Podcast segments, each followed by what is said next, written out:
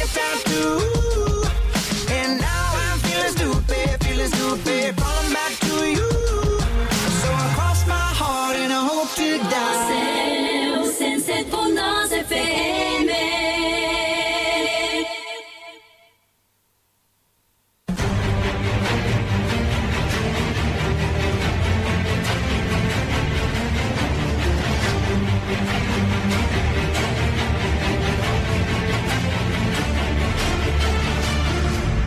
Les portes de Troia, amb Alberto Reche, Sergio Rodríguez i Albert Abril.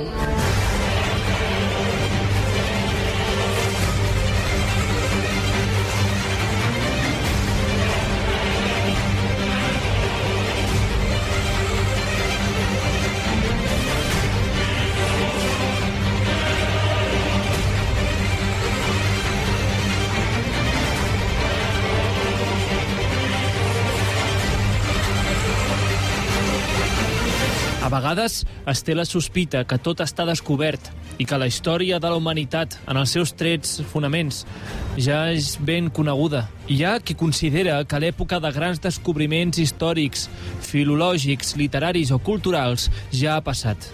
L'arqueologia i la història, però, s'entesten a desafiar aquesta percepció errònia i, de tant en tant, apareixen per esforç o per atzar descobriments que desafien els límits d'allò que coneixem. Troballes fortuïtes com les dels guerrers de Xi'an o com la que ens ocuparà aquesta setmana demostren que, ben entrat al segle XX, es poden fer encara descobertes gegantines que serveixen per a repensar determinats moments històrics. I és que la troballa, a mitjan del segle XX, de milers de fragments manuscrits a les coves de la regió de Qumrà, just al nord de la vall de la Mar Morta, va servir per a redefinir els convulsos anys de la dominació romana de la regió. Benvinguts a la descoberta dels manuscrits de la Mar Morta. Benvinguts a les portes de Troia.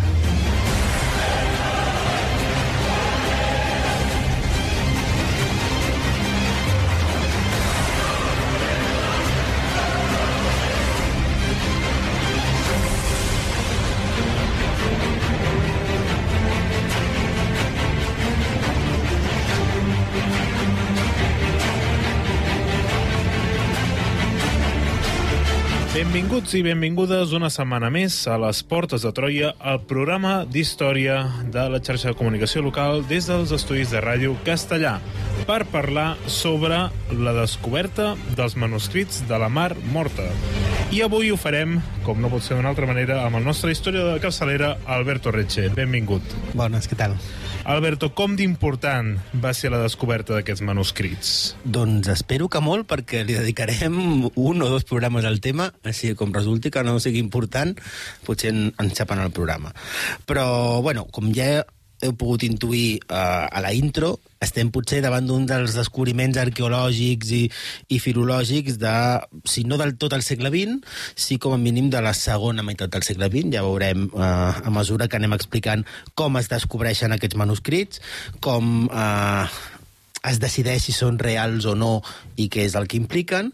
Eh, acabarem trobant pràcticament un miler de manuscrits de, entre el segle II abans de Cris i el segle I després de Cris, eh, que revolucionen completament el que se sabia sobre la història religiosa eh, entre aquestes dates un moment molt interessant perquè és el moment de la conquesta eh, en romà, hel·lenística primer i romana després no, de, del territori eh, de l'antic regne d'Israel i que portarà i que és també l'escenari on apareixerà el cristianisme. No? Doncs eh, ja ho veurem.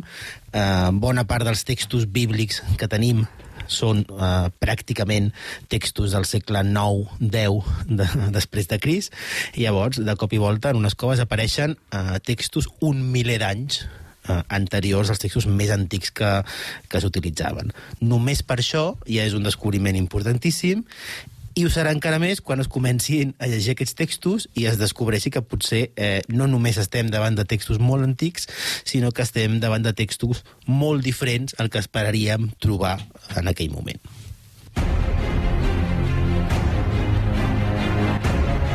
Segueix-nos a facebook.com barra Portes de Troia o a Twitter arroba Portes de Troia. Descarrega't el podcast des d'iBooks o iTunes.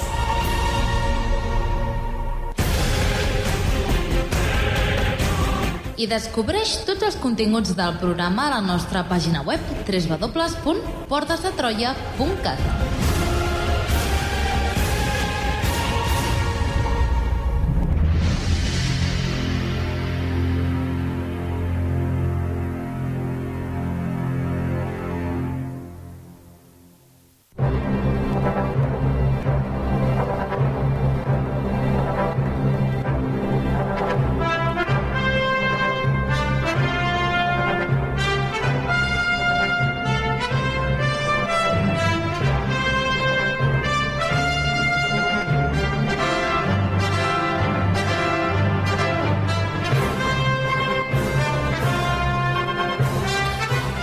amb aquesta música d'en Harrison intrèpid apallissant uh, nazis, uh, que de fet en breu s'ha de tornar a repetir això, en principi, no? A una última entrega d'Indiana Jones. Et sona? Pel·lícules d'Indiana Jones hi ha tres, Sí? ara mateix, i, i, i és un tema que matem aquí. Hi ha tres, potser ara treuen la cinc, eh, ja veurem Però- com però n'hi ha- està, però ha però la, la quarta no va existir. Per- Perfecte, no, no va existir. Llavors, aquí podem encetar un, tot el debat que vulgueu, però... No volem obrir eh, aquest meló. Però bueno, és, És- com, és com la, les pel·lis del Hobbit, que encara estan per fer. Sí, sí, sí. sí. No, Potser, potser com a molt van fer la primera, Algun tros de la primera. algun tros de la algun, primera. Algun trosset de la primera però i, i eh, més. jo que ja tinc una edat, doncs, convenientment m'oblido de les coses que no m'interessen. Ben fet. No sé si Peter Jackson s'animaria a fer una trilogia del Hobbit. No sé, no sé. Bueno, també té una edat. en fi, uh, uh, iniciem la nostra expedició uh, uh, en el tema dels uh, els manuscrits de la, de la Mar Morta i comencem per l'inici de tot plegat. Com es descobreixen aquests manuscrits tan importants? Bueno, doncs, com tantes coses a la vida, ja veureu, eh, es descobreixen per una feliç casualitat, no? Una feliç casualitat que a la qual seguirà el treball de molta gent i una sèrie de circumstàncies, però sense la qual eh, potser s'haguessin descobrit més endavant, però no de la manera en què es va fer. Llavors, eh, el tret de sortida del programa d'avui i de la descoberta d'aquests manuscrits de, de la Mar Morta o de la Marmota, com segurament intueixo que acabarem dient al llarg de, del programa d'avui. Ningú veia venir això. No, bueno, ho veiem venir. doncs cal remuntar-ho a, un, a un fet ocorregut a inicis de la primavera de 1947, quan un jove baduí, anomenat Moha- Mohamed Al-Llop, estava cuidant un ramat de cabres. No? Aquí estem en un escenari aparentment poc èpic, no? aparentment poc eh, històric, però resulta que en un moment determinat, com passa sempre quan tens un ramat de cabres, una d'elles se separa de la resta Sí. i comença a fer entremenedures, i el jove pastor va anar a perseguir-la com, com estava bueno, doncs entre les seves funcions.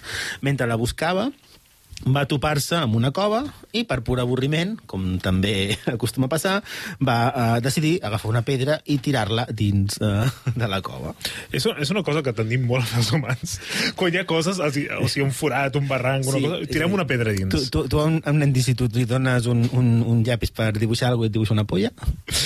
I, i, si, I si li dones una, una, algú a la mà al carrer, lo acaba llançant i trencant vidres. No hi ha, no hi ha més opcions, no? Uh, i, I un baduí del segle passat doncs, va fer una cosa bastant similar amb una cova. Pues no? Una acció que ens sembla totalment lògica. de- Devia estar fins, fins als collons de la cabra. I mira, pues va, va, va, va desfogar-se com bonament va poder. I, eh, oh sorpresa, quan el, el Bodan Mohamed eh, llença la pedra contra aquesta cova, resulta que escolta com la pedra trenca alguna cosa dins la cova, s'escolta un soroll de, de trencadissa Oh, no. de, de ceràmica, i llavors, en sentir-ho, fuig espantat, no deu agafar la cabra, fuig, i aquí no ha passat res. I la cosa s'acaba aquí, per tant, gràcies no, per, a, Sí, que el programa, per al que, programa. que, entrin, que entrin els patrocinadors.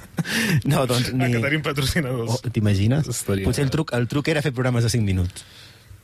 Bueno, I, així en podrien 50 sortir uns de- quants. Molt bé. Com ja podeu intuir, la cosa no acaba aquí, ni molt menys.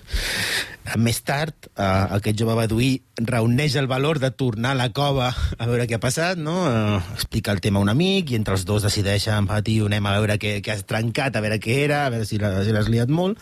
I aquí, en aquesta tornada, comença un dels descobriments més importants de l'arqueologia del segle XX.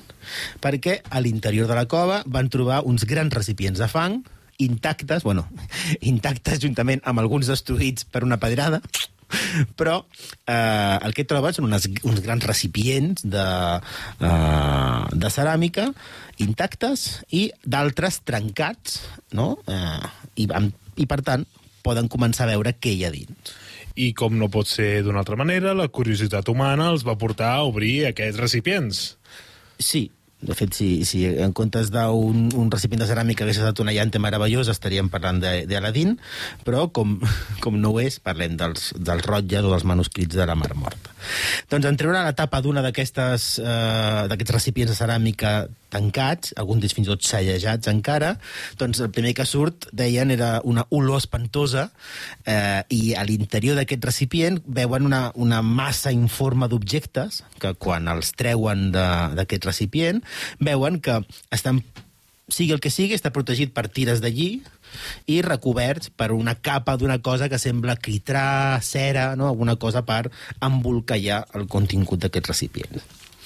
Evidentment, eh, superant el fàstic eh, que haurien de tenir, treuen aquest embolcall i troben uns llargs rotlles manuscrits amb diferents columnes, d'una obren alguns, i veuen columnes d'una escriptura que no saben identificar, però que in- indubtablement no era àrab, que era no?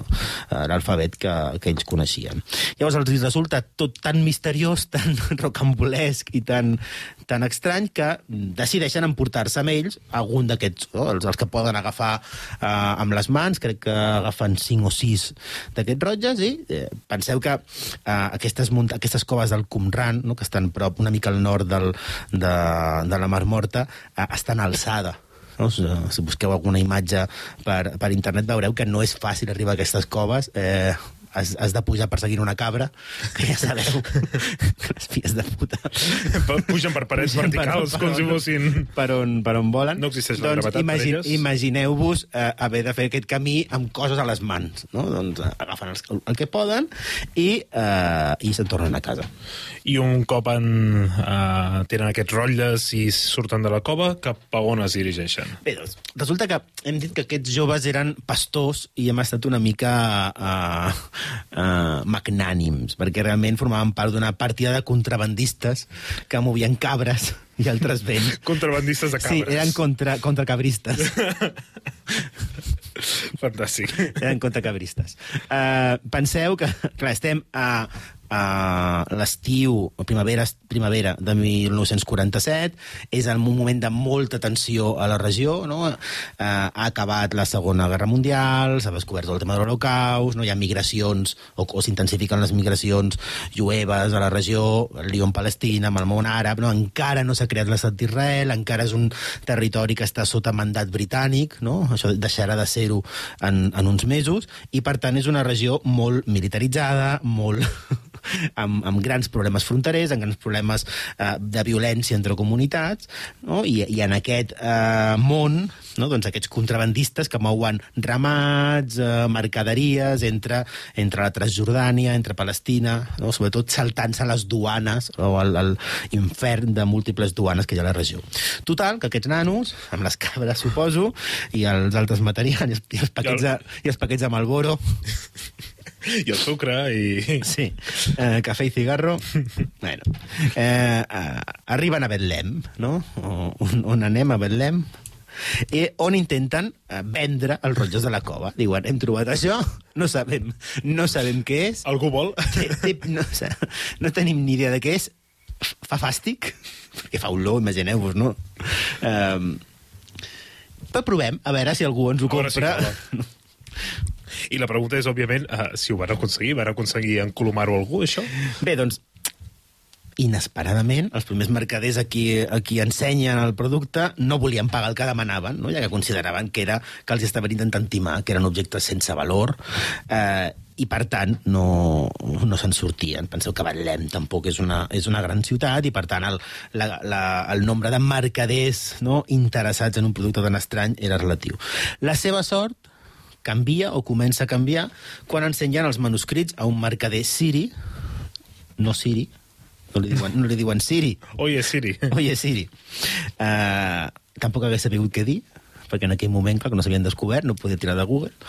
Però, en qualsevol cas, l'ensenyen aquest mercader siri els manuscrits, i aquí tenen un cop de sort perquè aquest mercader siri pensa erròniament que la llengua dels textos era siríac antic, anava molt despistat no? per, no, per no reconèixer que no era eh, siri antic, i llavors aquest mercader preveient la possibilitat de negoci, fa d'intermediari entre aquests beduïns i el metropolità de l'església siríaca de, de Jerusalem, en, en Mar Atanasius Jesue Samuel.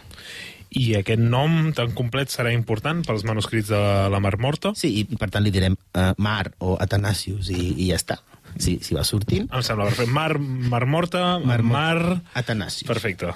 I sens dubte és un, és un nom important, no? De fet, és el primer en adonar-se que estaven davant d'un descobriment important.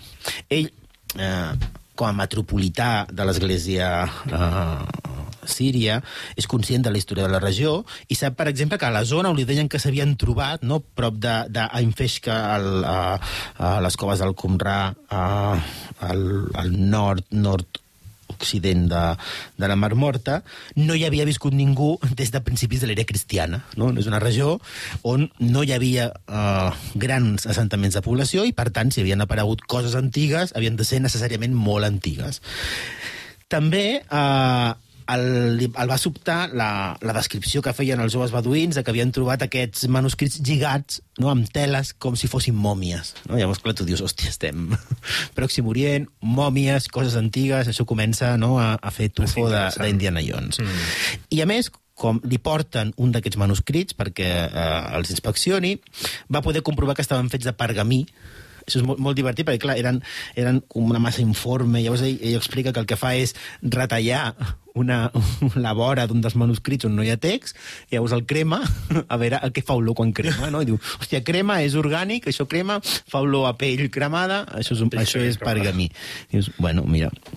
Uh, I veu que el text no està escrit en àrab, no està escrit en, en siríac antic, sinó que està escrit en hebreu. No? Llavors, amb, amb aquestes intuïcions, no? en unes coves molt antigues, eh, pergamí, hebreu, comença a sospitar que està eh, davant de quelcom ben antic. Molt bé, tenim a Tan- Atanasius, sospitant que està davant d'una cosa molt antiga, ha desxifrat que està en hebreu, i ell es farà eh, amb aquests manuscrits. Eh, doncs no, perquè com a bona història és rocambolesca, no? ja que quan anuncia a l'intermediari siri que compraria els manuscrits, resulta que els beduïns ja han marxat de Betlem, no? Eh, a fer una altra expedició a la frontera, no? Només volen anar a Betlem, sinó que se'n van de Betlem. Passen les setmanes, no? aquest bon home deixa dit que quan tu tornin a passar per Betlem, no? que vinguin a veure'l, eh, i que aquest mercader siri li faci la, la gestió, i si estàvem a la primavera hem d'esperar fins a un dia de juliol, quan aquest mercader siri avisa a aquest metropolità de l'església síria, aquest Mar Atanasius, que dic, dic, no, escolta, demà vindré amb els beduïns que ja han tornat a Betlem, no, que ja han tornat a Jerusalem, perquè eh, aquest mercader el que fa és anar a Jerusalem a, a, a donar-li al, al metropolità. I, I passarem demà, espera'ns, passarem demà i et donarem el, els, els rotlles. Llavors el metropolità espera tot el matí, i espera, Hòstia, tu. i espera, ja, fins que el pobre home, ja, imagineu-vos, un home religiós que tampoc és que tingui una vida molt, molt, molt atapeïda, comença a esperar, a esperar, a esperar, es cansa d'esperar i diu, saps què, jo he esperat molt, me'n vaig un moment a esmorzar, surto un momentet a esmorzar, que raro serà que, passi alguna cosa, no? Llavors, jo, jo us podeu imaginar que just quan se'n va a esmorzar, venen a veure'l i no el troben. O no? Llavors, és molt graciós perquè és, és, és, és fantàstica l'anècdota. Llavors, el sacerdot de, uh, del monestir on, on estava aquesta comunitat, el rep, no? un senyor gran obre la porta i es troba no? a, a un siri i, i a dos beduïns, no? Amb cabres. I a dos moros jovenets, que no? segons el punt de vista, llavors no sap de què va el tema, es nega a rebre a rebre'ls perquè eren àrabs i tenien mala pinta, i aquí no s'us ha perdut res, no? Llavors ells hi diuen, portem, portem aquestes coses per, per, per el metropolità de l'església, i ell en veure que eren uns rotlles vells i bruts, pensa eh, eh, que, que, li, que li estan tongant, no? perquè diu, si no estan escrits en siríac, nosaltres som una, comuni una església siríaca, sinó que estan escrits en hebreu, aneu-vos-en aneu a prendre pel sac i a timar alguna altra persona. I els hi envia a l'escola jueva de Jerusalem per vendre'ls. No? Se'ls treus a sobre per, per un pur gest de racisme no? eh, capdalt en la història de, de, de l'arqueologia, no? Que s'explica molt pel context no? de- d'aquesta Jerusalem de l'estiu de 1947. Llavors, mira, escolta, el porter del monestir els ha enviat a pastar fang. O sigui, és, és una putada perquè el mal que pot fer un esmorzar en un mal moment. Clar, sí, des d'aquí uh, un, una, una abraçada a tots els funcionaris que surten a esmorzar quan, quan no toca. Eh, Mai sortiu, a esmo- ma- mai sortiu a esmorzar quan no toca perquè us poden venir dos beduïns a... A portar uns textos a portar-vos 2000 uns anys. textos eh, interessantíssims. No? I ja us podeu imaginar la cara del pobre Mar Atanasius quan torna d'esmorzar, ell ben, cu, ben cufoi. I, i el porter li diu, no, no, que els he enviat a la merda. Esperem que, que fos un, un bon esmorzar de forquilla, no? que, Capi- vingués, capipota. que vingués aquí... Capipot és el que li va dir al, al porter. Ets un capipot. En fi, uh, tenim a Mare Atanasius que torna uh, aquí. I què, Clar, què llavors, passa? veu el percal i corre a buscar l'intermediari, però ja és massa tard. Resulta que els beduïns han ofert els manuscrits a un mercader jueu.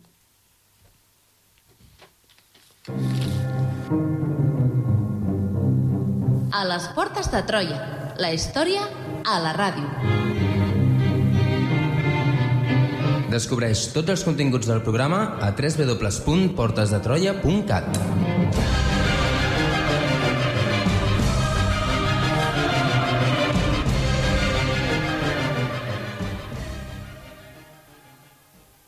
残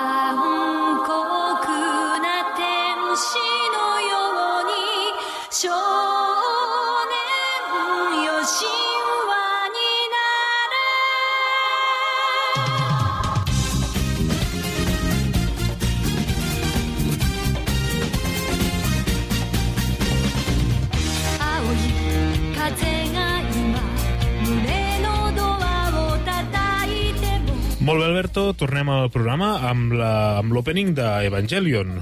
Per què? Què té a veure amb els manuscrits de la Mar Morta? Clar, tu, tu has escoltat Evangelion i has dit, hòstia, la meva infància, que, que xulo. Però no, no, te, no et deurien agradar tant perquè no recordes l'argument de la sèrie.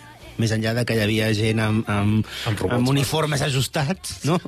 uns adolescents depressius insuportables que muntaven robots estrambòtics. Però la trama anava justament, no? aquests dolents contra els que lluitaven eh, eh, eren àngels caiguts que tenien referències bíbliques i hi havia darrere una organització secreta que els controlava i eh, es deia a la sèrie que la, el, eh, el llibre o la bíblia que, o els documents que tenien eh, no? com a rerefons per, per fer el que feien eren precisament els manuscrits de, de, de la Mar. Morta. No? Perquè penseu, ja veureu que aquests, eh, aquests documents per com es troben, on es troben i què diuen, eh, comencen també han quedat en part de, de, de l'imaginari popular o de l'imaginari més esotèric o més, o més aquestes de les ciències de, de l'ocult com un, un referent eh, eh, interessant, no? Llavors ja veurem de tot el que parlen. Llavors, no deixa de ser sorprenent que en una sèrie d'anime de, de, això deu ser de finals de no- dels 90, Dels principis dels, 90. del 2000, eh, resulta que eh,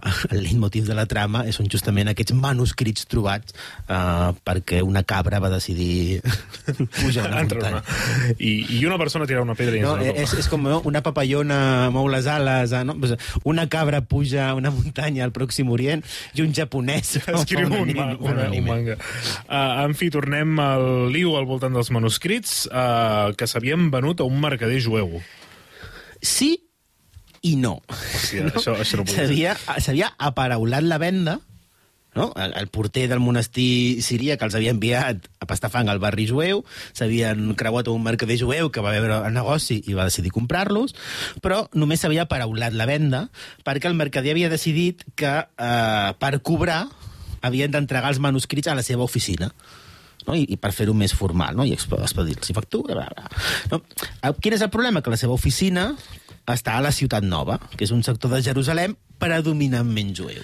I amb el context que ens has anat descrivint, ens tenim a dos beduïns carregats en cabres, amb, amb manuscrits, això sembla que ha de ser un veritable problema. Clar, és un problema molt gran. Hem de pensar que estem, com hem dit abans, a l'estiu de 1947 i que Jerusalem es troba ja molt, molt, és un eufemisme, dividida entre àrabs i jueus, entre palestins i jueus, i estem, de fet, a mesos, literal, de la creació de l'estat d'Israel i, la, i les guerres àrabo-israelianes que vindran. La situació és molt tensa. Penseu també que, eh, com dèiem abans, tota la regió és, és un protectorat britànic des de finals de la, de la, segon, ai, sí, de la Segona Guerra Mundial, i aquest protectorat britànic controla la regió eh, d'un fil, el control penja d'un fil, eh, on eh, diàriament hi ha atemptats realitzats per grups terroristes jueus no? contra aquest mandat britànic, per fer fora els britànics, contra la, les comunitats àrabs de, de la regió, i per tant és una situació on eh, les trifulques, els atemptats, les bombes, els tirotejos es succeeixen constantment dins de la ciutat. I aquest polvorí com afectarà a la venda dels nostres estimats manuscrits? Bueno, doncs eh, resulta que en aquest moment les zones jueves eh, de Jerusalem es troben sota la llei marcial. Aquest fet, juntament amb la, aquesta tensió creixent entre les diferents comunitats, farà que el mercader siri, que feia intermediari a Maratanasius, pogués agafar els beduïns i convèncer-los sense gaire dificultat de que no venguessin els manuscrits al mercader jueu, no? perquè aquest podia enganyar-los fàcilment. No? Aquest tio us farà entrar al barri jueu, que sabeu que hi ha molta policia, quan li doneu els manuscrits dirà que els heu robat, no us els voldrà pagar, us detindran, ja veuràs quin, quin, quin parc cal. A més, segons la llei palestina d'antiguitats, que, que regia a la regió, qualsevol troballa arqueològica s'havia de notificar immediatament a l'autoritat. Cosa que els beduïns no havien fet, no tenien ni idea de què s'havia de fer. Llavors aquest mercader siri diu, jo, jo em callo, jo no dic res, però penseu que eh, això és una cosa que pot dir el mercader en quan, eh, en quan eh, arribeu, us denuncia perquè no heu notificat aquest, aquesta troballa arqueològica i, i, i la lia. Així, en Mare Atanasius aconsegueix fer-se amb cinc dels manuscrits trobats, que són els que portaven els beduïns a sobre. Per un moment he pensat que aquests ma- manuscrits mai arribarien a les seves mans. Uh, però, en fi, ara que els manuscrits ja de la marmota uh, estan a les seves mans, ho fa públic? Bueno, la, la intenció, la seva intenció és donar-los a conèixer, tot i que ben aviat es va topar amb un, amb un mur d'indiferència. No? Això és una cosa freqüent quan el món acadèmic es veu qüestionat per noves troballes. De cop i volta et ve un, un senyor i et diu no, he trobat uns rotlles de fa segurament milers d'anys d'antiguitat que eh, segurament eh, reescriguin la història bíblica. Sí, sí, passi, passi, passi, senyor, vinga, adeu. No?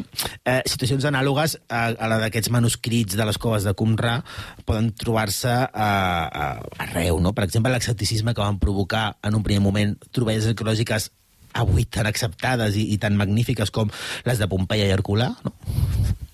Aquí estarà Pompe, la Pompeia que diuen està aquí. Sí, home, sí, vinga, va, passa. Passa, no? O les excavacions famoses d'Ais al Ric, no? el, que es van identificar amb la Troia Homèrica, també van, van ser molt qüestionades. No? I si parlem de manuscrits, també podem posar l'exemple, ja n'hem parlat en, en, en programes anteriors, de tot l'escepticisme que va aixecar la troballa del, del text del cantar de l'Ost del príncep Igor, no? és una obra fonamental de l'èpica russa de finals del segle XII i que durant molt temps va ser considerat un frau perquè més l'original es, va, es, va, es va perdre en un incendi eh, a Moscou, només hi ha una còpia d'aquest original que es pensava que potser era, era un fals, però finalment eh, s'ha arribat a la conclusió de que realment és, un, és el, te, un del, el text més antic que conservem de l'èpica russa. No? Llavors, el Mare Atanasius es troba justament amb aquest problema que, que eh, és molt difícil primer saber eh, què té entre mans, datar-lo i sobretot que i algú que n'entengui accepti que són autèntics. I quins inconvenients hi haurà per acceptar l'autenticitat d'aquests manuscrits? Clar, bàsicament perquè eren una troballa que tirava per terra l'estatus quo dels coneixements sobre la tradició bíblica. No? Expliquem una mica per si hi ha algú, algun oient que no és expert en tradició bíblica. No? Bàsicament, eh, tot i que els textos masorètics, els, els textos masorètics són els que contenen la Tanakh hebrea, no? diguem que, que són els textos eh, acceptats dins del, de, de la Bíblia hebrea, tot i que es considera que aquests textos, aquest corpus masorètic es, es recopila al voltant del segle II abans de Cris, no hi havia versions conservades fins al segle IX després de Cris. No? És aquelles coses de, vale, el manuscrit medieval que tenim segur que és una còpia d'un man, manuscrit tardo antic, és una còpia d'un no sé què, i l'original, el text que reprodueix, perquè ja sabeu que més la, la Bíblia jueva s'ha de transmetre tal qual, no? és, és, és, eh, és un crim eh, religiós eh, corregir la Bíblia, perquè fins i tot en els seus errors el text eh, es considera que són sagrats, no? perquè sabeu eh, aquesta tradició de considerar que són llibres revelats, amb la qual no són paraula de Déu i no es poden canviar. No? Doncs es considerava que aquests manuscrits o aquestes versions del segle IX després d'aquí reprodueixen no? Aquest, aquests textos del segle II. Però, clar, en aquests 1.100 anys d'existència del, del corpus bíblic, no hi havia textos complets. No? Es conservaven algunes versions de l'Antic Testament en grec, no? ja sabeu que van fer traduccions, eh, com la, la Septuaginta, no? la Bíblia del, del 70, que és aquesta recopilació eh, o aquesta traducció grega sobre el text eh, bíblic de l'Antic Testament, recopilada sobre el segle III, mitjans del segle III després de Crist, la Vulgata de Sant Jerònim, no? que és la versió en llatí de, de la Bíblia, realitzada al, al segle IV, i l'existència d'alguns petits fragments, com el Pentateu de Samària, que té la seva pròpia tradició textual, alguns petits fragments en, en arameu que s'havien conservat i poca cosa més. No? Llavors, clar, en aquest context, imaginar que de cop i volta poden aparèixer dos pastors de cabres beduïns eh, no? amb, amb la motxilla plena de manuscrits complets, no? perquè més més endavant, en aquestes coves es trobaran fragments, però ells van tenir la, la sort de trobar eh, recipients tancats amb la qual eh, per les condicions de salinitat del marmor, de, de, de poca humitat i tal, eh, la matèria orgànica s'havia conservat perfectament. Llavors, eh, ells portaven rotlles sencers de textos aparentment bíblics uns mil anys anteriors als primers textos bíblics conservats sencer. Clar, llavors, eh, per un especialista no, conscient de, de l'estatus quo de la seva disciplina, eh, eh, aquesta troballa era directament impensable. I quan començarà a donar-se credibilitat a tot plegat? Bueno, doncs els primers experts que van veure els textos van pensar que eren força moderns. És com a molt eren textos bíblics que tenien un parell o tres de segles d'antiguitat. No? Molt bé, tens un ull, fill meu, et felicito. Oh, felicito, fill. Clar, uh, l'opinió general comença a canviar quan Atanasius entra en contacte amb experts de la Universitat d'Hebrea i aquests comencen a interessar-se pels textos. No? Clar, aquí hi ha, hi, ha un, hi ha un element important, no? ell, ell és siríac, és cristià, no? I llavors pregunta als segles cristians, fins que decideix, escolta, si això està en hebreu, són textos hebreus, potser hem d'anar a preguntar als experts. als experts no? en història hebrea a veure què diuen. No? Una, una llum aquest senyor Tania- Atanasius. Ja sabeu que els edificis hebreus estan fets amb els peus i els romans amb les mans, però en qüestió de textos hebreus, hòstia, doncs vés a la Universitat Hebrea. Mm. No? Eh, I llavors aquests experts van començar a interessar-se pels textos. I aquí entra en escena un altre personatge clau, el professor Eleazar Sukenik, que, eh, vista l'excepcionalitat de la troballa, decideix fer-li la 314 a Maratanasius i adquirir els altres tres manuscrits que encara eh, els beduïns no havien, mm -hmm. no havien venut, perquè no els havien portat a Jerusalem, els tenien encara amb la caravana, i per tant, diu, hòstia, això és interessant, quin, quins manuscrits més interessants? I compra el, els que encara no ha comprat Atanasius, no?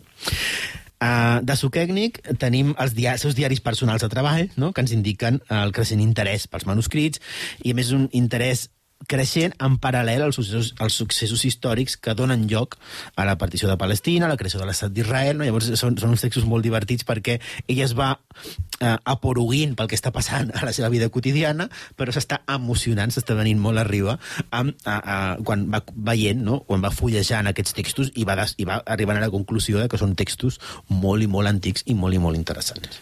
I ara sí que sí, uh, Sukènic suposo que entendrà per fi la vàlua de- d'aquests manuscrits de la marmota. Manuscrits de la marmota. Mira que pensava que no faràs la broma, Alberto, no faràs la broma. I l'estàs fent tu tot, Sí, tot, tota l'estona. és porto com, si, com si fossis... Eh, Com si fos? Bill, Bill Murray. ok. bueno, eh, enmig d'aquest conflicte, en els darrers dies de 1947, eh, Sukenic arriba a la conclusió de que els fragments que tenia a, la seva, alma- a les seves mans calia datar-los, més o menys, si fa no fa, grosso modo, entre el primer i el segon segle eh, abans de Cris i la major part del segle eh, primer després de Cris. No? Ell s'emociona tant, pensa que el que té és tan important, que fins i tot convoca una roda de premsa per presentar la descoberta. No? Que diu, mira, ara tenim el, el, el mare Tanassos aquest fent preguntes, ha vingut a consultar-me, jo he vist que és interessant, he comparat altres manuscrits, els he investigat, hòstia, que tenim entre mans, saps què? Vaig a fer una roda de premsa per ser el primer en, En anunciar-ho. en anunciar-ho. Una roda de premsa que, clar, ell va tan emocionat, convoca els periodistes, els periodistes estan eh, enmig... O sigui, la roda de premsa es fa enmig de bombardejos àrabs contra Jerusalem, que els periodistes estan a la sala eh, escoltant com cauen bombes als edificis del costat, però veuen el paio tan emocionat amb el que està explicant que es queden no? i acaben donant la notícia, no? Perquè eh, començarà una cursa entre Sukenik i Atanasius per començar a buscar el ressò internacional. No? Envia, per exemple, a buscar fotografies o reprodu alguna reproducció dels textos. Clar, penseu que estem en 1947, finals de 1947, a una Jerusalem on fins i tot eh, l'electricitat eh, no estava garantida. Llavors, eh, com fas reproduccions de manuscrits que es, pràcticament es desfan quan, el, quan els toques, has de fer fotos, estendre els rotlles que estan eh, molt acartronats. Bueno, hi ha totes unes peripècies de- d'intentar reproduir eh, aquests textos i enviar-los, per exemple, als Estats Units, a, a Anglaterra, per trobar algun expert que els certifiqui i que s'interessi pel tema. I arribarà aquesta atenció internacional que buscaven els dos competidors del programa Molt bé. Són el Son Goku i el Vegeta d'aquest programa. dels manuscrits. eh, arribarà aquest, aquesta atenció internacional per una situació complicada. No? Diferents investigadors de l'escola americana mostren interès. Eh, sobretot, aquí els americans són molt pràctics. No? Diuen, hòstia, quins manuscrits més bonics, hòstia, són xulos i tal, però... Vale, a nosaltres el que ens interessa és visitar la cova on s'han trobat. a veure si en trobem més. Abans de saber si són bons o no, assegurem-nos que si hi ha més, són nostres. No? Llavors, aquest interès arriba just en el moment cronològicament del final del mandat britànic a Palestina, que acaba a mitjanit del 14 de maig de 1948, i, per tant, eh, eh, els britànics es retiren de, de l'antic mandat de, de Palestina, eh, comença no? tota, totes les tensions que portaran a la creació de l'estat d'Israel i a les primeres guerres arabo-israelianes, i per tant no és només que els americans no puguin entrar a la regió, sinó que el propi pare Atanasius decideix agafar les maletes, embarcar-se als Estats Units amb els manuscrits que té i dir, jo em piro d'aquí perquè a saber què, què pot passar. I de fet, a saber què pot passar és literal perquè van arribar a caure bombes al monestir on es guardaven aquests, en Hòstia. aquests manuscrits, que bueno, van morir alguns monjos, però no va morir cap manuscrit. Però eh, va ser un, un bon indicador de que calia, eh, que calia sortir d'allà. Uh, I què passarà a acabar de la guerra amb els nostres manuscrits? Molt bé, doncs, eh, com tu dius, hem d'esperar que acabi la guerra i a que el temps, no? temps perquè est- estem a, a, a l'hivern de 1948, i a que la situació geopolítica sigui més favorable, i per tant hem de fer un salt fins a febrer. No? Em- Estàvem a maig del 48, estem a febrer del 49, quan, eh, dos, eh, quan dos investigadors, el pare Roland Devaux de l'Escola Bíblica i eh, el professor Lancaster Harding del Departament d'Antiguitats, organitzen una visita a la cova que van trobar els beduïns, no? una mena com de viatge guiat de l'inserso, i s'estan prop d'un mes treballant a la cova i recopilant multitud de fragments petits de pergaví i, i gran quantitat de ceràmica trencada, i comencen així eh, eh, en una primera impressió, ceràmica que sembla d'època hel·lenística, també troben, per exemple, restes d'una llàntia i d'una olla romanes, no? llavors ja comencen a dir, vale, uh, aquests contextos arqueològics els hem de situar en el segle II, 1 abans de Cris, 1 després de Cris, i per tant la cosa comença a ensumar prou bé. I quan aquesta gent comença a gratar dins la cova, hi havia alguna hipòtesi de treball? Bueno, comença a haver-hi, clar que comencen a haver-hi hipòtesi, no?, perquè eh, en paral·lel a, a aquestes, aquests intents d'inspecció arqueològica comença a haver-hi eh, intents intel·lectuals de descobrir què està passant, no? I llavors fan una hipòtesi una mica rara, ja veureu, que no acaba de tenir gaire sentit crono- cronològic, però demostra que aquests investigadors estan començant a prendre seriosament el que està passant. No? Doncs resulta que Orígenes, no? que és un erudit cristià de principis del segle eh, III després de Cris, ell afirma en, la, en, en algun text autobiogràfic seu que en una d'aquestes persecucions que els romans feien al segle puntuals, que els romans feien al segle III dels, dels cristians, ell va haver de fugir no? de, del lloc on estava um, uh, no sé on estava, la veritat, però va haver de fugir. Diu, Va, va fugir d'un lloc. Sí, però i ell es refugia eh, a una cova, no? de, a una cova de prop del marmo, de la marmota, mm -hmm. on, i en aquesta cova troba, ell ens diu que troba alguns, eh, troba alguns recipients ceràmics amb manuscrits cristians dins. No?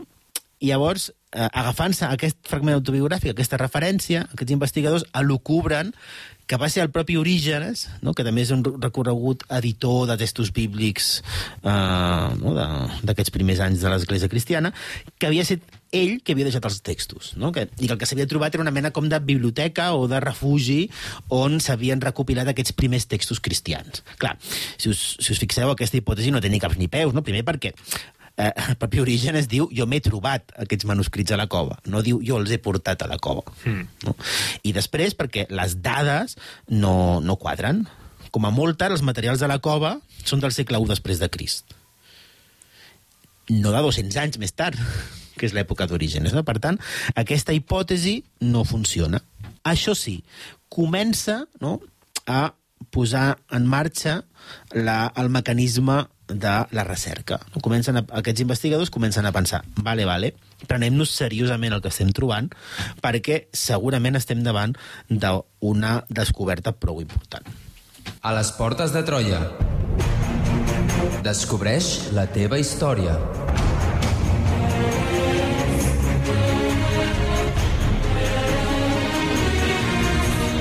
Troba'ns a facebook.com barra Portes de Troia i a Twitter arroba Portes de Troia.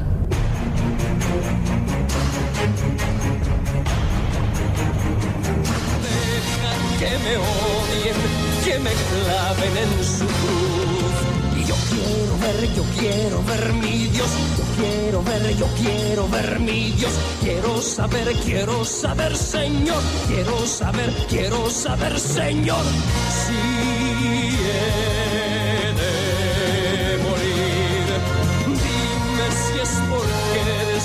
mejor de lo que fui. Dime si mi vida con la muerte de cumplir. Yo quiero ver, yo quiero ver mi Dios. Yo quiero ver, yo quiero ver mi Dios. Quiero saber, quiero saber, Señor. Quiero saber, quiero saber, Señor. Con morir que voy a conseguir. Al morir que voy a conseguir. Quiero saber, quiero saber, Señor. Quiero saber, quiero saber, Señor.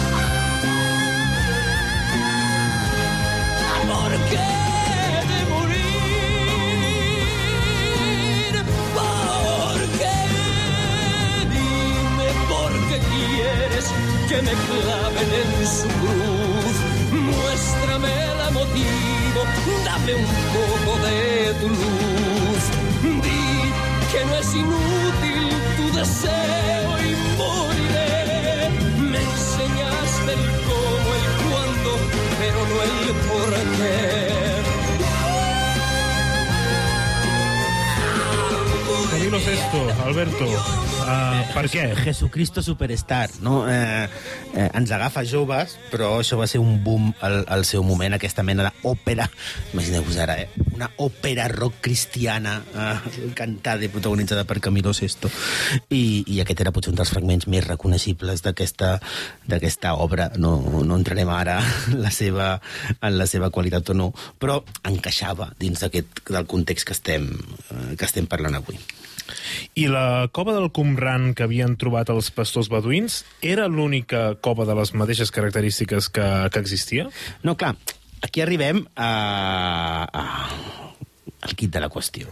No? Som-hi. Clar, s'ha trobat una cova en una regió no, d'aquells altiplans, de, uh, aquells, aquells, aquells cingles del, del Qumrà, ple de coves foradades per l'erosió de, de mil·lennis, en una zona pràcticament deshabitada, com és la, uh, no, la, els vols de la Mar Morta, que no li diuen morta perquè sí.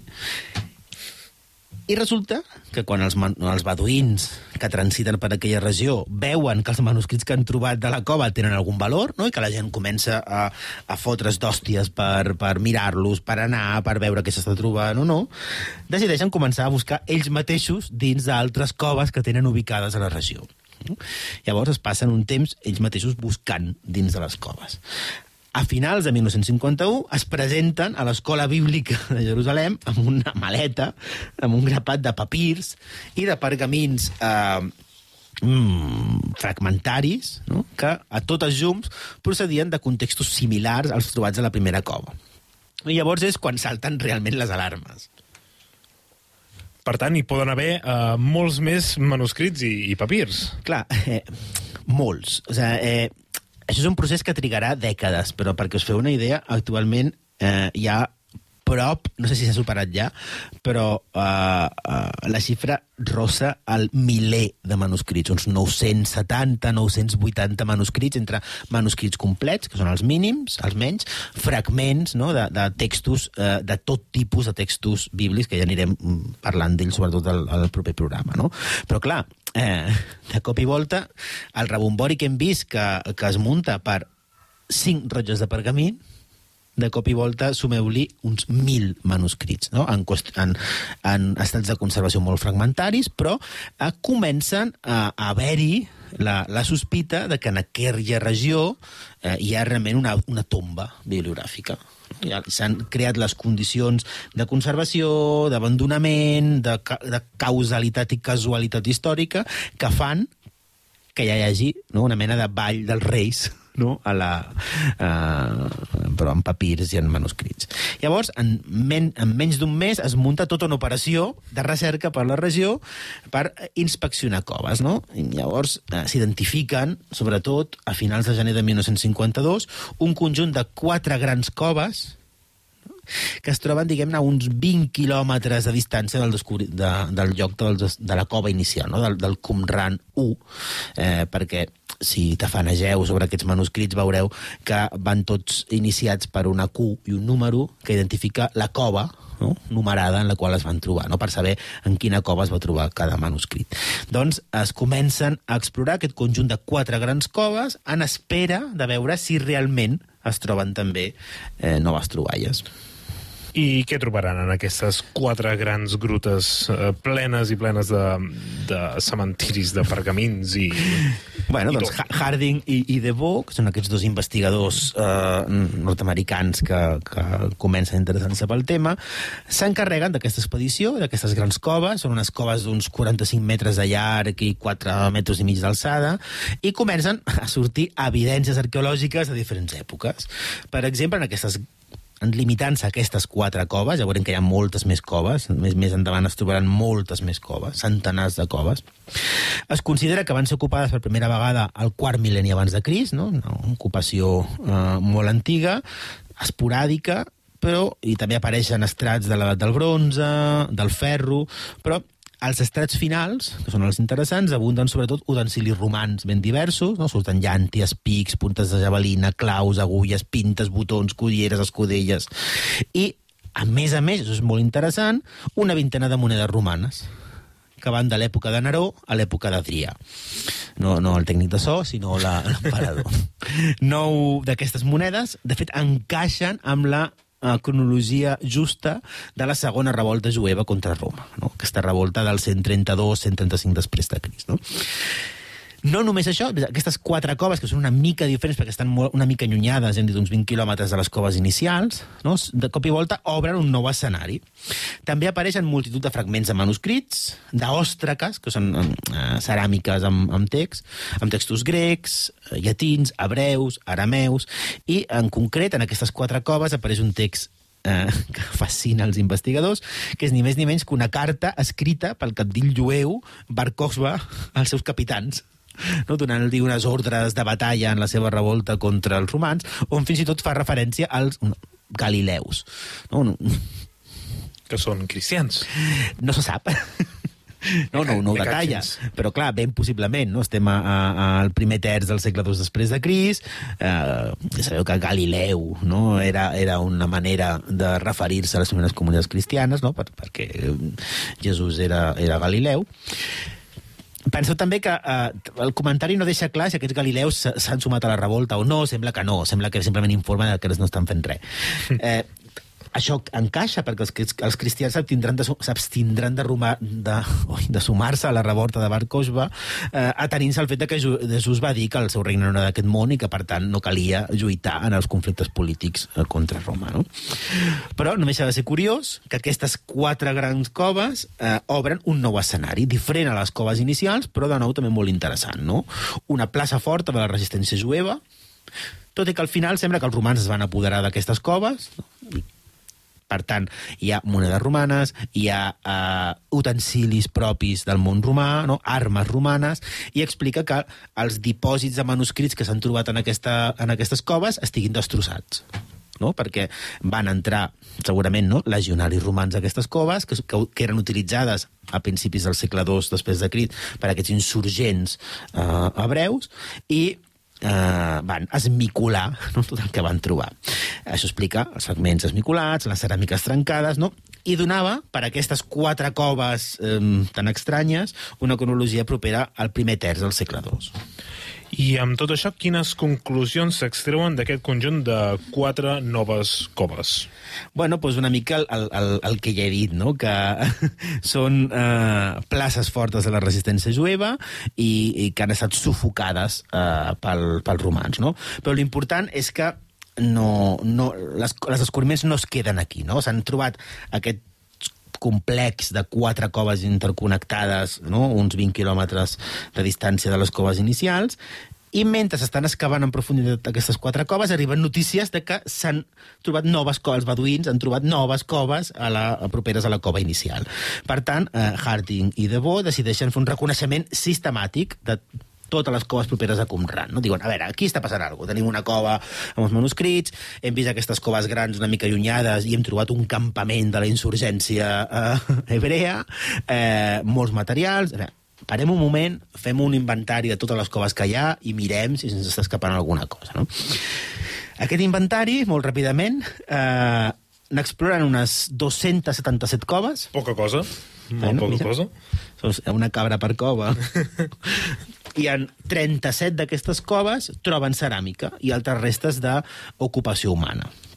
En 25 d'aquestes 37 coves, la ceràmica era idèntica a la dels recipients de la primera cova, trobada pels, pels beduïns, mentre que un nombre molt elevat d'aquestes coves tenia restes de manuscrits en diferents estats de conservació, en diferents estats de fragmentació, eh, amb recipients de ceràmica intactes, amb recipients de ceràmica trencat, i per tant es comencen a trobar milers i milers de fragments de manuscrits en eh, papir, en papir i en paper. No? Penseu que eh, sempre pensem no, que a l'època s'escrivia en papir, però eh, en aquesta època, des segle II abans de Cris en endavant, el pergamí ja és un suport de l'escriptura eh, establert. No?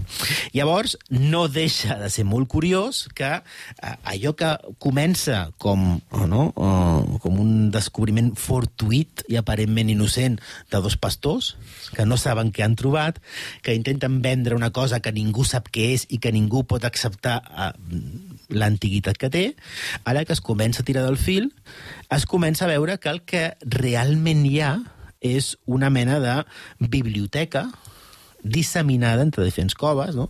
Les prim... que, de fet, això invalida les primeres hipòtesis. Una de les primeres hipòtesis de, de Atanasius, per exemple, és que estem davant uh, d'una geniza. Una geniza uh, és, diguem, el... Di... explicant-ho molt ràpidament, no? Com els textos hebreus són sagrats, no es poden destruir. Eh, quan eh, aquests textos queden desactualitzats o queden malmesos perquè s'han utilitzat molt, en comptes de, de quedar destruïts, es guarden en un dipòsit, no? els llibres que ja no fem servir però que no podem destruir, perquè són sagrats. No? De fet, la, la geniza més famosa, la, la geniza del Caire, que es descobreix a, a finals del segle XIX, quan bueno, la, a la, la sinagoga del Caire havien emparedat, la, la, la geniza històrica havia quedat emparedada, empa, dins d'uns murs de, de la sinagoga i quan aquests murs es tiren es veuen que es troben eh, es troba la geniza antiga no? d'època que va amb documents del, del segle 8, 9, 10, 11 amb milers, desenes de milers de manuscrits perduts. Es creu no, que el que està passant a les coves de Qumrà pot ser això, no? potser hi ha alguna comunitat eh, hebrea que, està utilitza, que ha utilitzat aquestes coves com a geniza i que per tant s'han conservat, però clar, quan apareixen tantes... Eh, tantes coves eh, eh, veuen que realment estem davant d'una biblioteca enorme disseminada entre diferents coves i que, el més important, aquesta biblioteca contenia tots els llibres de la Bíblia, de, de l'Antic Testament, no? de la Bíblia eh, hebrea, així com un nombre ben elevat de textos apòcrifs, no? ja hem parlat de què són els textos apòcrifs, apòcrifs de l'Antic Testament en aquest moment, i no només això, sinó que troben llibres que expliquen el funcionament d'una secta religiosa que fins llavors s'havia... Eh, se sabia que havia existit, però no s'havia cregut no? que hagués sigut gaire important. Doncs ho deixem aquí i, de fet, emplacem els oients a un proper programa. Eh, Va, vinga, va, aquest- aquest el farem. Sobre el tema, perfecte. Aquest el farem. Perquè ens has deixat un final eh, bastant obert. Uh, moltíssimes gràcies, Alberto Reche, per aquest tema tan, tan interessant sobre el descobriment dels manuscrits de la marmota. A, a tu per allargar la frase i, i, i deixar-me que acabés de beure aigua. l'aigua. Gràcies, Albert. Adrià Tirado, el control tècnic, us ha apartat, us ha parlat l'Albert Abril. I us, Us ha apartat- us ha apartat, us, us ha, us ha apartat, fet el us ha apartat. us, ha, us ha parlat l'Albert Abril i us esperem una setmana més a les portes de Troia.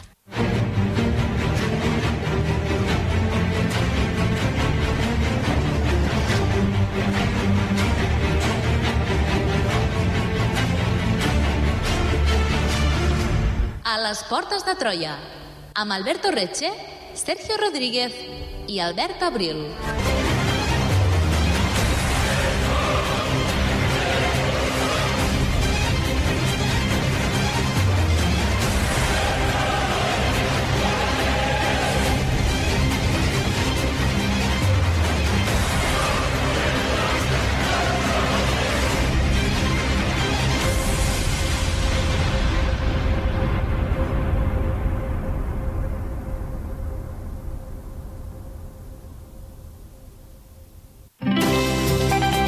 Escolta Ràdio Seu on i quan vulguis. Entra a l'apartat de ràdio a la carta de la nostra pàgina web i tria allò que més t'interessa de la nostra programació. Els informatius, les entrevistes, els programes musicals, culturals i esportius, la programació especial... On i quan vulguis, Ràdio Seu. A la carta des de la nostra pàgina web radioseu.cat. I just can't live anymore like heart just opened up the door again. Just watch me fly as I spread my wings. Don't ask me why, cause there are too many things.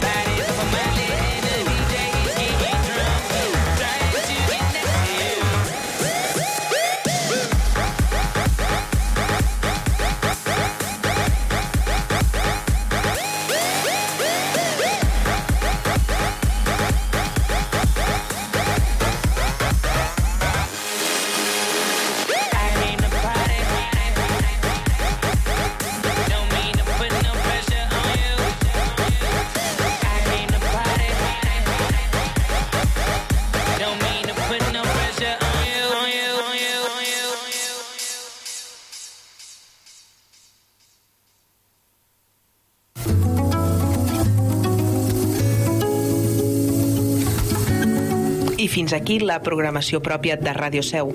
Connectem amb Catalunya Ràdio.